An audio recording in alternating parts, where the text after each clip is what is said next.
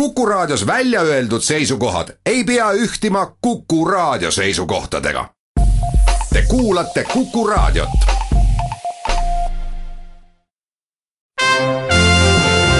Tallinna Filharmoonia esitleb Filharmooniline huvitaja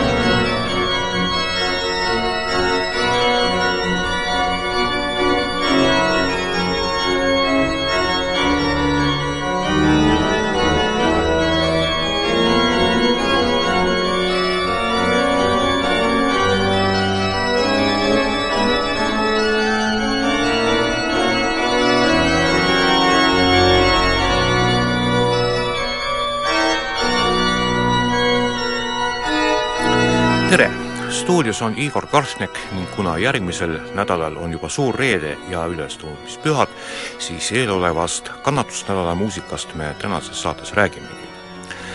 pühadega seonduvaid kontserte tuleb järgmisel nädalal muidugi päris palju, kuid üks muusikasündmus tõotab tulla igatahes küll täiesti eriline.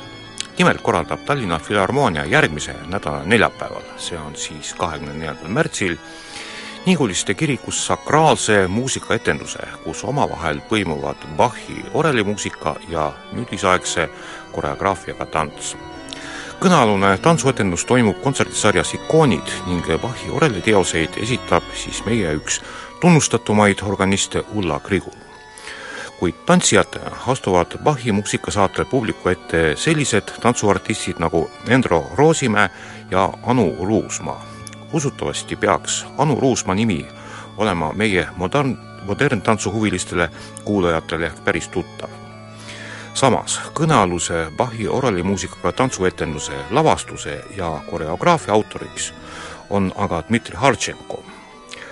muuseas, Hartšenkot seob Tallinna Filharmooniaga juba varasemast ajast pikaajaline koostöö ning usutavasti on nii mõnedki meie saate kuulajad käinud tema innovaatilise koreograafiga tantsuetendusi mõnel eelmisel hooajal ka ise vaatamas. peab muidugi tunnistama, et esmapilgul võivad need kolm komponenti, esiteks Bachi muusika, siis modernistlik tants ja keskaegne kirik, tunduda üheskoos ehk veidi kummalisena, sest oleme ju harjunud pidama Johann Sebastian Bachi muusikat millekski hästi vaimseks, kuidagi kõrgeks ja pühalikuks milleni nii-öelda maised kunstid nagu tants ja koreograafia ei tohiks ju nagu küündidagi, eriti veel kannatusnädala neljapäeval, mille Jeesus veetis piibli järgi Ketsemani aias palvetades, kuid tõelises kunstimaailmas pole kivistunud reegleid.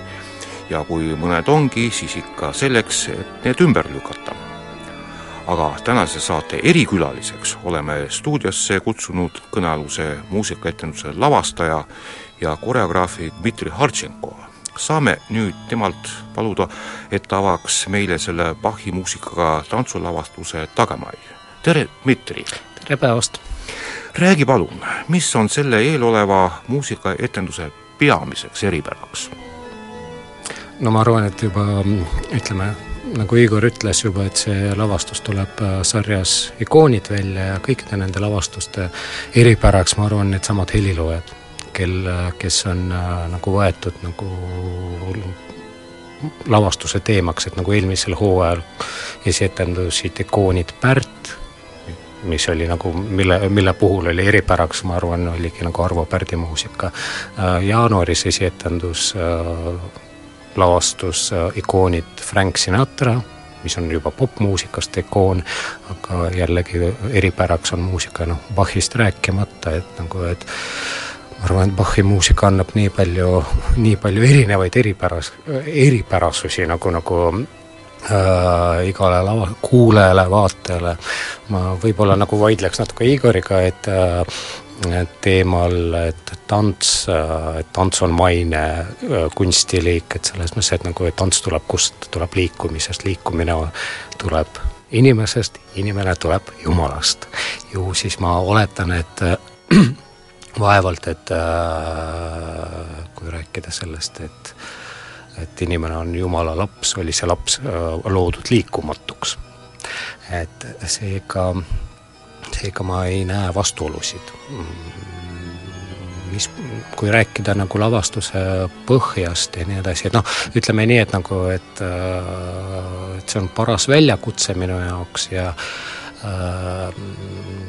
kas või nagu selles, et ma üritan, üritan kuidagi täita sellist asja, mida ei ole võimalik täita, et äh, kirikuruum on meeletult suur äh,, Bachi muusika on meeletult suur ja võimas ja mahukas ja ja, ja selle, selle kõrval on inimene koos oma kehaga, oma liikumisega jääb väga väikseks. ja ütleme, võimalik, et nagu ma natuke üritangi mängida nendel, nendel vastuoludel. aga lähme natuke konkreetsemaks, võtame Bachi orelimuusika ja sinu koreograafia, et vaat mis on see põhiline idee, millest sa oma lavastuses nüüd lähtud, et kuidas sa selle idee Id... kehakeelde paned? see, see on väga intuitiivne, see, see kõik on väga intuitiivne ja nagu, et, et ma ei tea, kust need mõtted tulevad ja liikumismõtted ja ütleme, mingisugused sümbolid ja ütleme, kusagil ma toetan, toetun äh, kujutavale kunstile ja mingisugust käteasenditele, mis on nagu tulnud juba maalidel äh, kujudelt ja nii edasi, suuremas osas, suuremas osas räägime ikkagi nagu religioossest nagu kujutavast kunstist. ja mm, aga, aga teemaks ma, ma, ma ausalt öeldes nagu mõtlen siin nagu pigem sellist asja jällegi, see, seesama nagu millest ma alustasin, et nagu kust see inimene nagu tuli ja kui palju, et, et ühest küljest nagu inimene teemaks on ühest küljest inimene kui maalaps ja teisest küljest inimene kui jumala laps. ja mis on nagu inimesele tulnud ütleme sellisest nagu ürgsest energiast nagu ema kui, tähendab maa kui inimese ema. ja mis on tulnud nagu inimesele äh, selle kaudu, et Jumal kui inimese isa. vot ja ma, ma üritan nagu seda enda jaoks leida, kes see, kes see inimene tegelikult on. Oled sa äh, endale äh, oluliseks pidanud, et äh, kui sa kasutad sõna Jumal, et on, on see kristlik Jumal või see on mingi suurem üldistus ähm,? väga keeruline küsimus, väga keeruline küsimus, ütleme nii, et ma, ma arvan, et ma arvan, et ma ma arvan, et ma tänapäeval ei oska veel sellele vastata. inimesena mina ei oska veel vastata. no sellele küsimusele kas Jumal krist... on olemas ma ise olen kristlane, aga kas Jumal on olemas, seda ei osanud ka Einstein öelda, kuigi ta ütles, et Jumal ei mängi täringuid, järelikult ta ikkagi eeldas, et et mingisugune jumal on olemas, aga räägi palun, kuidas sa iseloomustaksid neid artiste, keda sa oled oma lavastuses Bachi muusika järgi liikuma no., tantsima ja mängima, ja no mängima. ütleme nii, et Ullaga ma puutun kokku esimest korda nagu ütleme muusikuna, et äh, seega, seega meil on nagu päris palju huvitavaid vestlusi ja see, kuidas tema kuuleb Bachi ja kuidas tema seda näeb ja tunneb.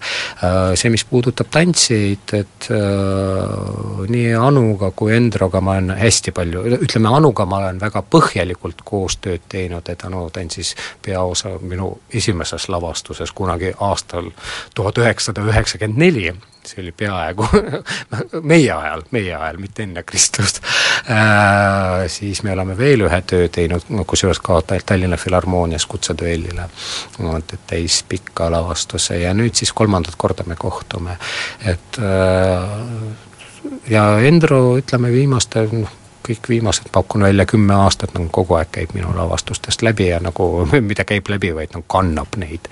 et, et, et see ei ole, see, see ei ole nagu minu jaoks nagu mingi uu-, noh, uus materjal. inimesed, tantsijad kui sellised ei ole minu jaoks uus materjal ja ja võimalik, et ka publiku puhul nagu tihtipeale noh, näiteks Endro Roosimäe nagu natuke seostub ka minu koreograafiaga, nagu ütleme, et ehk ta osaleb minu lavastustes mm,.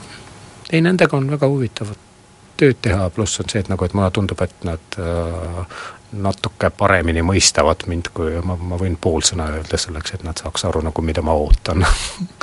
No nii, aga meie saateaeg hakkab paraku otsa tiksuma ja aitäh Dmitri Hartšikule selle huvitava jutuajamise eest, tuletan siis meie kuulajaile veel kord meelde, et Dmitri Hartšiku lavastatud tantsuetendust Bachi oraalimuusikaga saab Nihuliste kirikus näha ja kuulda juba järgmise nädala neljapäeval.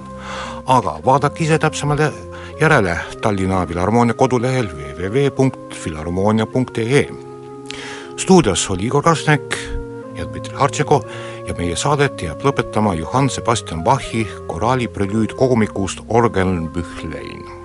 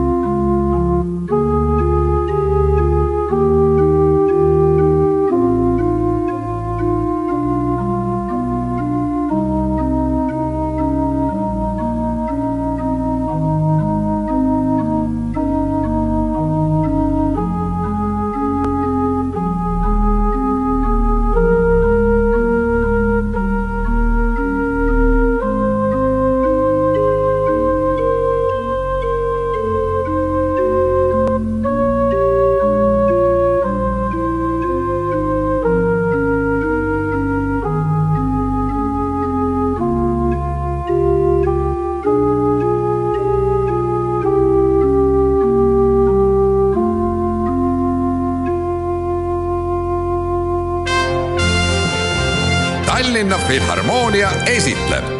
Filharmooniline huvitaja